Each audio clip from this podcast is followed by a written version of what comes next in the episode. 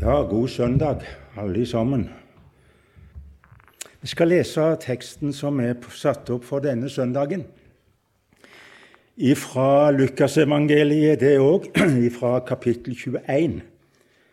Og vi leser slik fra vers 25 i Jesu navn. Lukas 21 fra vers 25. Og det skal vise seg tegn i sol og måne og stjerner. Og på jorden skal folkene bli grepet av angst og fortvilelse når hav og brenninger bruser. Mennesker faller i avmakt av redsel og gru for det som skal komme over jorden. For himlenes krefter skal rokkes. Da skal de se Menneskesønnen komme i skyen med kraft og stor herlighet. Men når dette begynner å skje, da rett dere opp og løft hodet, for deres forløsning stundet til. Og han sa en lignelse til dem. Se på fikentreet og alle trær. Så snart de springer ut og dere ser det, da vet dere av dere selv at sommeren er nær. Slik skal dere også, når dere ser disse ting skje, vite at Guds rike er nær. Sannelig sier jeg dere, denne slekt skal slett ikke forgå før det er skjedd alt sammen. Himmel og jord skal forgå, men mine ord skal slett ikke forgå. Herre Jesus Kristus, vi venner oss til deg og ber om, som vi ofte ber, Ånd fra himmelen, kom med nåde komme liv og lys over ditt eget ord til oss som nå sitter her på Lura bedehus. Vi er så avhengige av det, Jesus, at du får åpenbare ditt ord for våre hjerter. Og det har vi lyst til å be om i Jesu navn. Amen.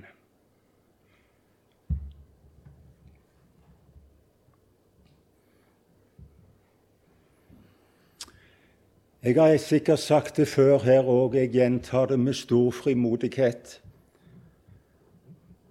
Det er helt sikkert at Jesus kommer igjen. Det er helt sikkert at Jesus Kristus, Guds sønn, som i dag sitter ved Faderens høyre hånd i himmelen, en dag komme igjen. Tanken og talen om Jesu gjenkomst det skaper ofte veldig forskjellige reaksjoner. Vet ikke hva du tenker om det.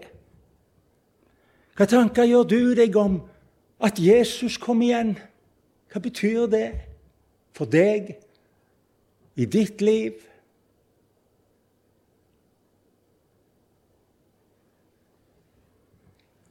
Verden. Gudspotterne, de ler. De ler og rister på hodet. Dette her har de snakket om i tusen år, de kristne. Men han kommer jo ikke. Så latterliggjør de Guds ords løfter. Det er ikke noe nytt det at de gjør det. Det sa Peter kom til å skje. Peter han skriver om det i sitt brev. Han sier det slik, for de sier 'Hvor er det blitt av løftet om hans gjenkomst?' sier spotterne. For fra den tid fedrene sovnet inn, forblir alt slik det har vært fra skapningens begynnelse. Men når de påstår det, sier Peter, så har de oversett at med vilje at det fra eldgammel tid var himler og en jord som ble til ved Guds ord, ut av vann og gjennom vann. Ved dette gikk den daværende verden under da den ble oversvømmet av vann. De har spotta før, og de spotter ennå. Håper ikke du er blant deg. For andre er talen om Jesu gjenkomst den inngir frykt, redsel, uro. Tenk om det er sant? Tenk om han kommer og jeg ikke blir med? Har du tenkt den tanken? Jeg tror det er flere som i de stille nattetimer kan ha vært inne på en slik tanke og kjent på en slik frykt.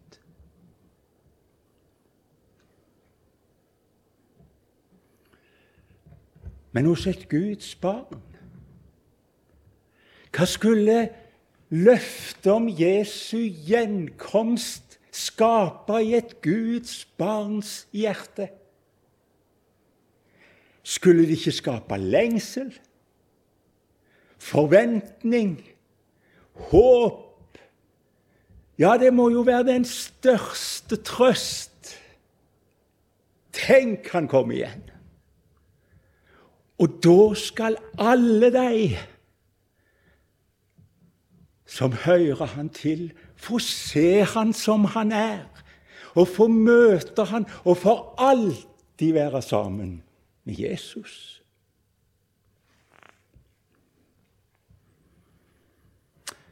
Uansett hva du tenker om dette, så er det altså helt sikkert etter Guds ord at han kommer igjen. Og da kunne du kanskje driste deg til å spørre hvorfor er det så sikkert? Hvor er bevisene for det? Hvordan kan du si det med en sånn selvfølgelighet?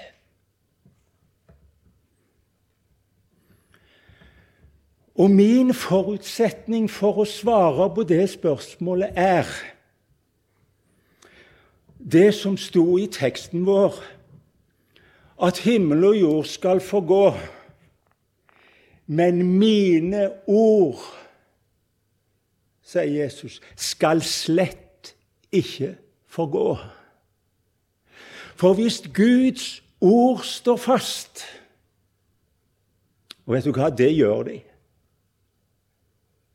Så må Jesus komme igjen. Jeg skal nevne to-tre ting om det. Det ene momentet for det er at mange av Messias-profetiene i Det gamle testamentet venter ennå på sin oppfyllelse. Det gamle testamentet er fullt av løfter og profetier om at det skal komme en frelser. Det er faktisk den røde tråd i hele Bibelen. Det er frelse som er overskriften, og det er Messias løfte som bærer det alt sammen gjennom hele Det gamle testamentet. Noen har talt opp endog, og så har de funnet at det der er 330 løfter om Messias i Det gamle testamentet bare. Ja, ja, skal ikke hefte oss i tall. Mer enn hundre av dem ble bokstavelig og nøyaktig oppfylt ved Jesu første komme. Det kan vi etterprøve. Det kjenner vi. Vi skal snart feire jul. Hvor sa profeten at Messias skulle bli født? Ja, Det hadde han talt om 700 år før det skjedde. Han skulle bli født i Betlehem.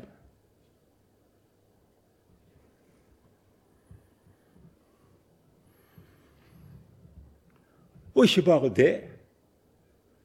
Men profetene sa at han skulle bli født av ei jomfru. Går det an? Ja, fordi Gud hadde sagt det, og Gud handla slik etter sitt ord.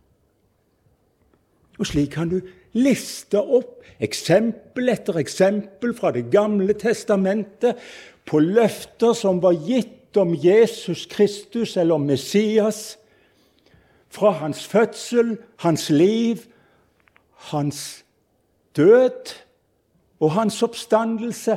Alt sammen kan du finne løfter nøyaktig gitt i Det gamle testamentet, oppfylt når han kom. Og de blir mer og mer detaljerte og tydeligere og tydeligere dess lenger og mer du leser.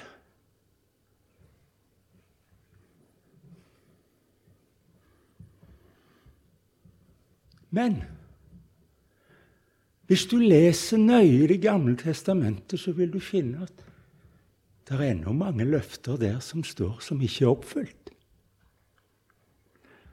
Løfter som åpenbart skal bli oppfylt når Jesus kom igjen.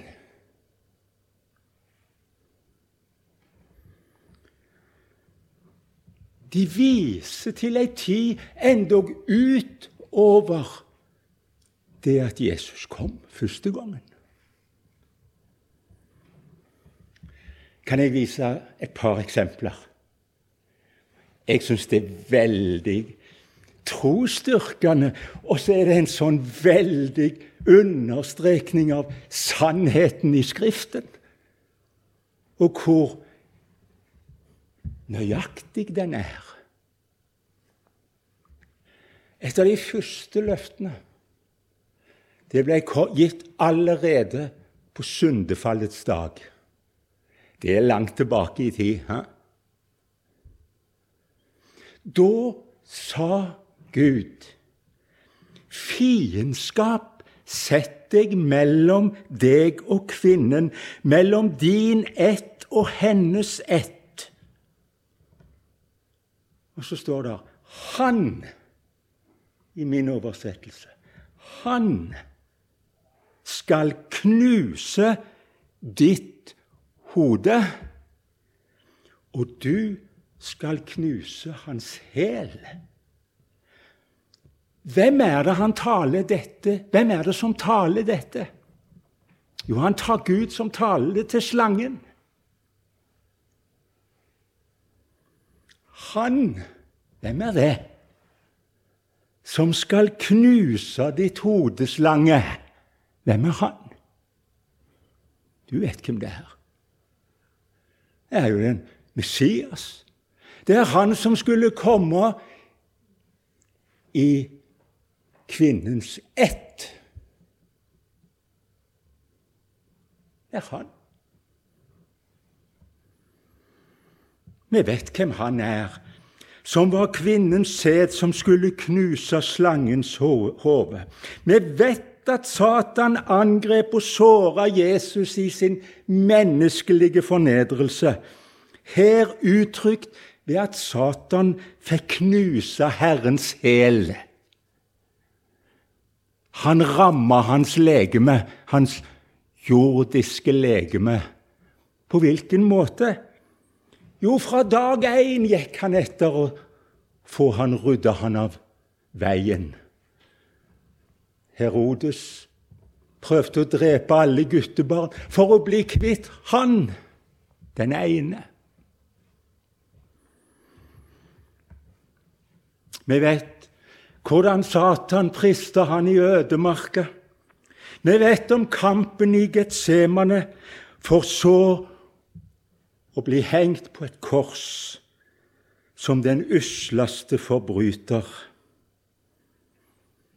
Han skulle ramme hans hæl, og det gjorde han.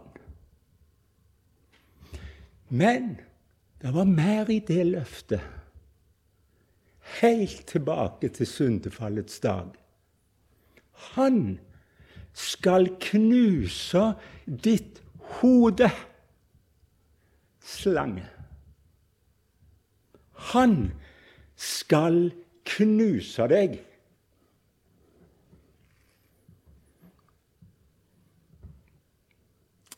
Ja, vi vet at han viste seg som seierherre på korset. Det vet vi. Men fortsatt så vet vi òg, og vi kjenner det vel hver dag, hvordan denne samme vonde slange, Satan sjøl, hvordan han fortsatt opererer sammen med ondskapens ånde her i himmelrommet. Og derfor så gjenstår det ennå at det ordet skal få sin endelige oppfyllelse. Da Satan skal for alltid utraderes og miste sin makt. Og han skal kastes i ildsjøen, sier åpenbaringsboka. Hm. Det gjenstår det at han vinner sin fullkomne og endelige seier. Når skjer det? Jo, det skjer den dagen når han kommer igjen. Derfor må han komme igjen.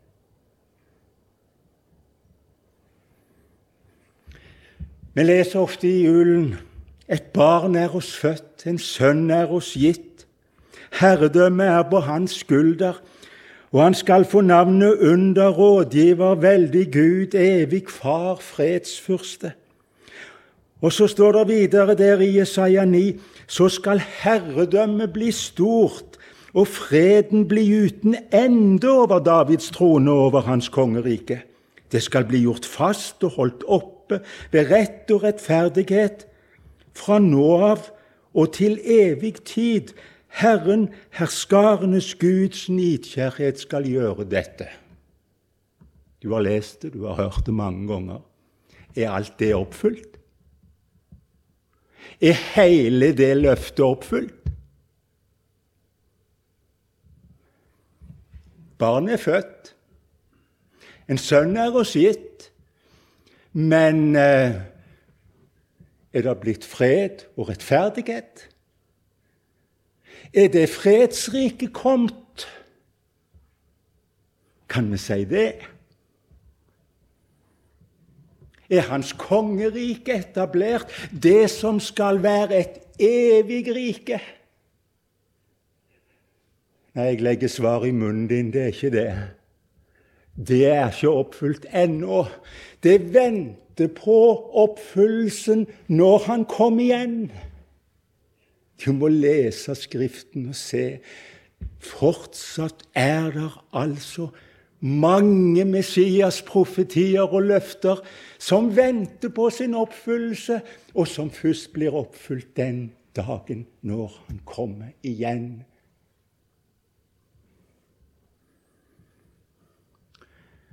For du ser det at mange av profetiene i Det gamle testamentet det skiller ikke mellom hans første og hans andre komme direkte.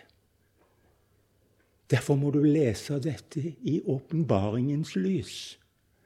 Vi hadde et eksempel her vet du, når, når Jesus var i, i Nasaret. Han kom til hjembyen sin. Og Jesus fant ordet i Jesaja 61 og leste, vet du, der ifra profeten i synagogen hjemme. Og så leste han Han har sendt meg til å salve meg til å forkynne et godt budskap for fattige.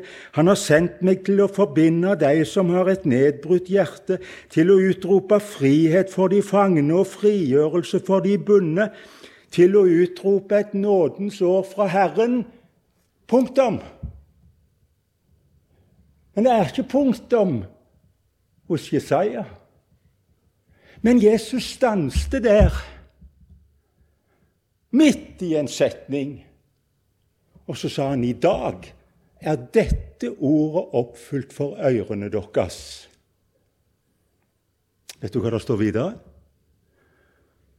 Det står og en hevnens dag fra vår Gud til å trøste alle sørgende.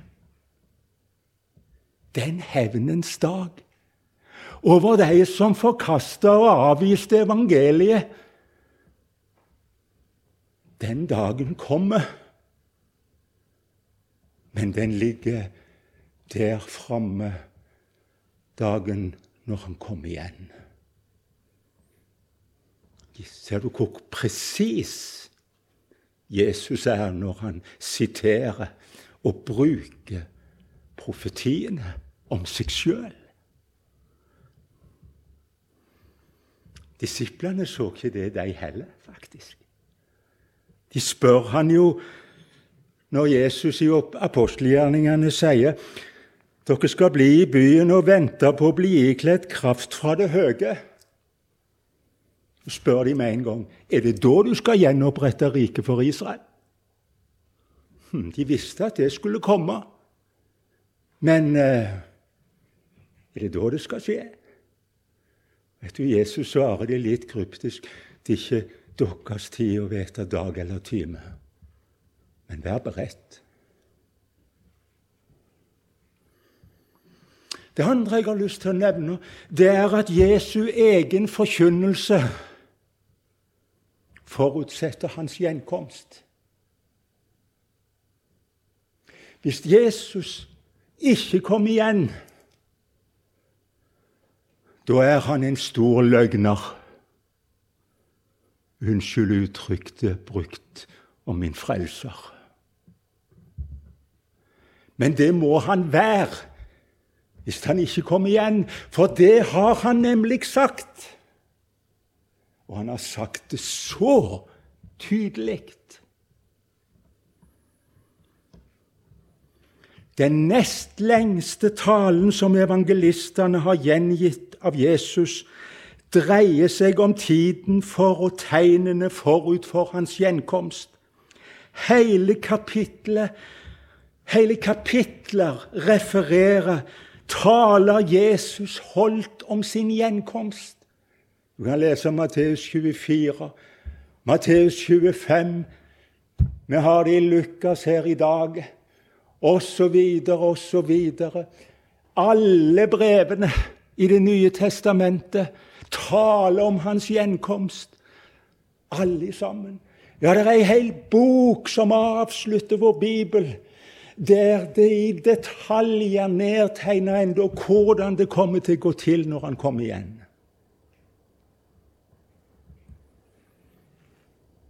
Som lynet går ut fra øst og skinner like til vest, slik skal menneskesønnens komme være.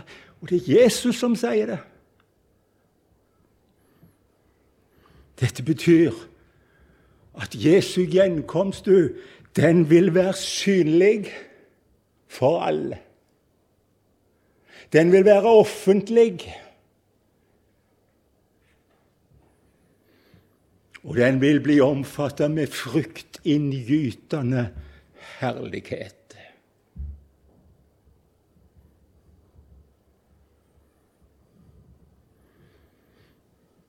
Menneskesønnen skal komme på himmelens skyer med kraft og stor herlighet.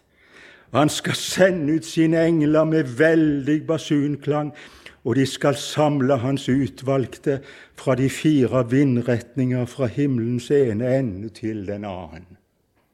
Alle skal se han. Alle skal den dagen bøye seg for han og erkjenne hvem han er. Tror du det? Er det slik du ser det Du tenker deg det? Slik Bibelen taler om det.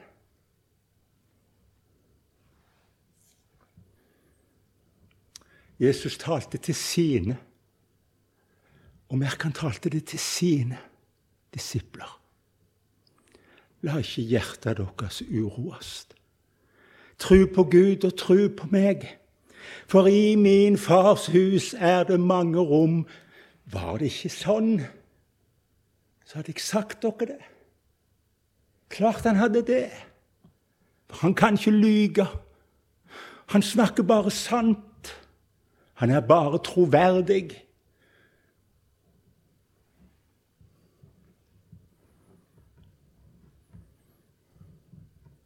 Jeg går bort, sa han, for å gjøre i stand et sted til dere.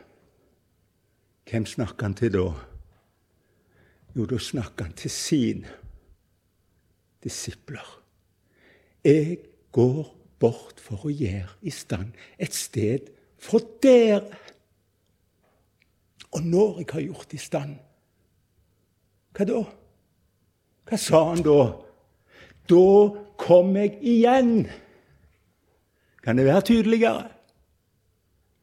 var det siste han sa til dem på salen før korset. Absolutt siste.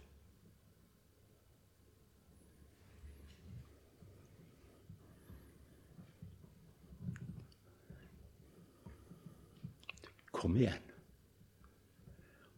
Og hva skjer da?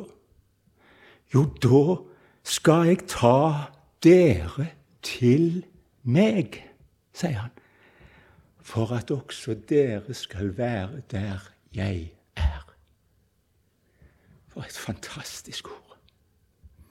Tenk, Jesus kom igjen fordi han vil at hans barn på jord skal være der han er i evigheters evighet.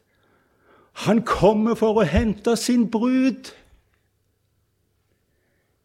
Det er ikke noe mindre som er i vente, folk, enn at han kommer for å hente sin brud, den som han kjøpte med sitt dyrebare blod. Og han ville så gjerne at du skulle være en av deg som venta og vågte når han kom.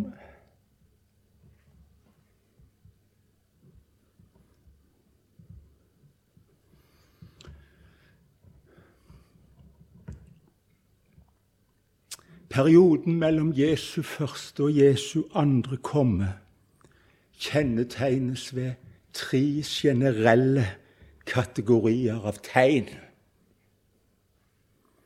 Jeg skal bare ta de helt fort. Merk deg de. Én forførelser, falske profeter, falske messiaser og falske menigheter. Det er tegn som Skriften viser oss om hvordan det skal være i tida mellom hans første komme og hans andre komme. Og når Jesus holder denne mektige avskjedstalen sin i Matteus 24, så begynner han å si til sine disipler Se til at ingen fører dere vill. Det begynner han med. Ingenting Jesus var mer redd for enn at hans barn skulle bli ført vill og gå seg vill. Kjære venner på lura. Den største fare i tida før Jesu gjenkomst er villfarelsen. Det er forførelsen. Det er å lytte til andre falske røster og stemmer. Kunne sagt mye av det, om det. Se til at ingen fører dere vil. Den andre gruppen av tegn som Jesus viser til, det er katastrofer og ødeleggelser som både er menneskeskapte og naturlige. Du kan lese om det i den samme talen. Skal høre krig og rykter om krig. Se til at dere ikke lar dere skremme, sier Jesus. Dere må ikke la dere uroe av det. Det skal og må nemlig skje. Folk skal reise seg mot folk, og rike mot rike. Skal bli hunger og jordskjelv både her og der. Ja. Det er jo som å lese avisen, er det ikke? La dere ikke skremme, sa Jesus, for det må skje. Hvordan det kommer til å eskalere inn imot Jesu gjenkomst, det kan du lese mye om i Skriften, ikke minst i åpenbaringsboka. Det tredje som kjennetegner perioden mellom Jesu første og andre komme, det er forfølgelse og trengsler for Guds barn i verden. Hm. Merk deg det. Jesus sa det. De skal overgi dere til trengsel, sa han. Ja, og de skal slå dere i hjel.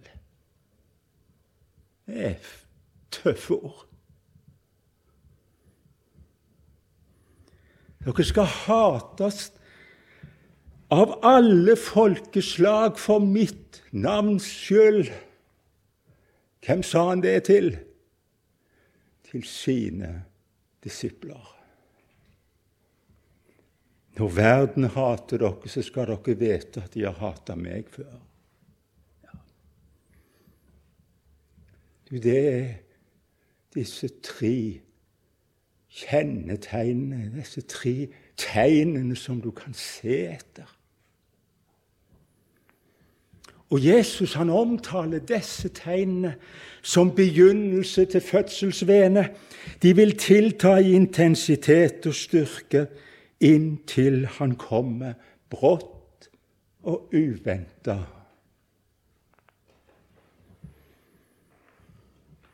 Så sier Jesus i avskjedstalen sine til disiplene Jeg har sagt dere det før det skjer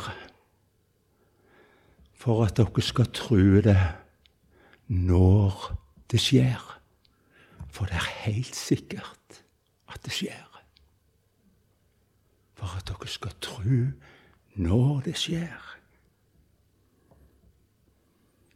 Ja, hvordan skal vi tenke da? Innimot disse svære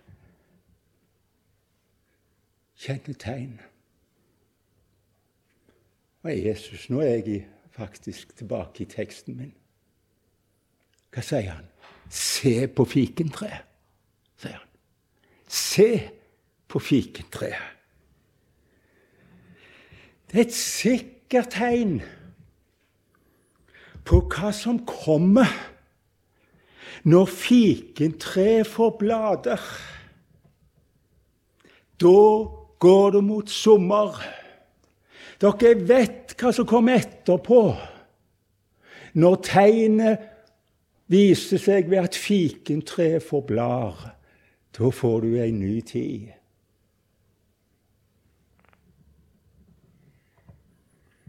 Peker framover.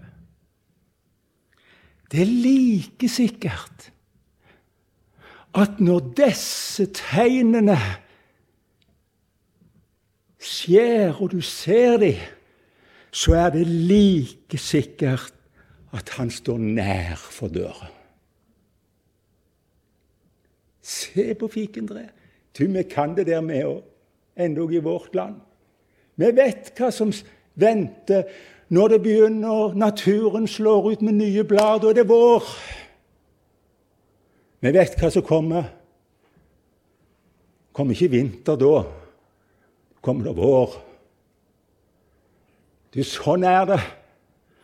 Når du ser det som Jesus taler om i sitt ord, når du ser at det begynner å utfolde seg, så vet du hva som skal komme. Da må du gi akt. Da må du følge med. Da må du gjøre deg klar, så du kan møte han når han kommer. Våg derfor, sa Jesus. Våg derfor. Å, hvor farlig det er om du sovner i den tida. Å, hvor forferdelig det er om du glemmer å gi akt og ikke ser det som skjer rundt deg. Da kom han. Tenk om han skulle komme, og du ikke være rede. Tenk om han skulle komme, og jeg ble stående utenfor. Det er teksten på andre søndag i advent. Se på fikentreet. Se, det går mot sommer, kjære Guds barn på lura. Det går mot himmel. Det går mot framtid. Det går mot en evig vår i Guds himmel for hver og en som her på jord holdt fast på Jesu ord og ikke vet seg noe annet til frelse og salighet enn det som Han er, og det som Han har gjort. Må Gud velsigne oss i denne adventstid til å rette blikket vårt oppover og se det er forløsningen som stunder til. Forløsningen stunder til. For et uttrykk, for ei framtid, for et Guds barn. God advent.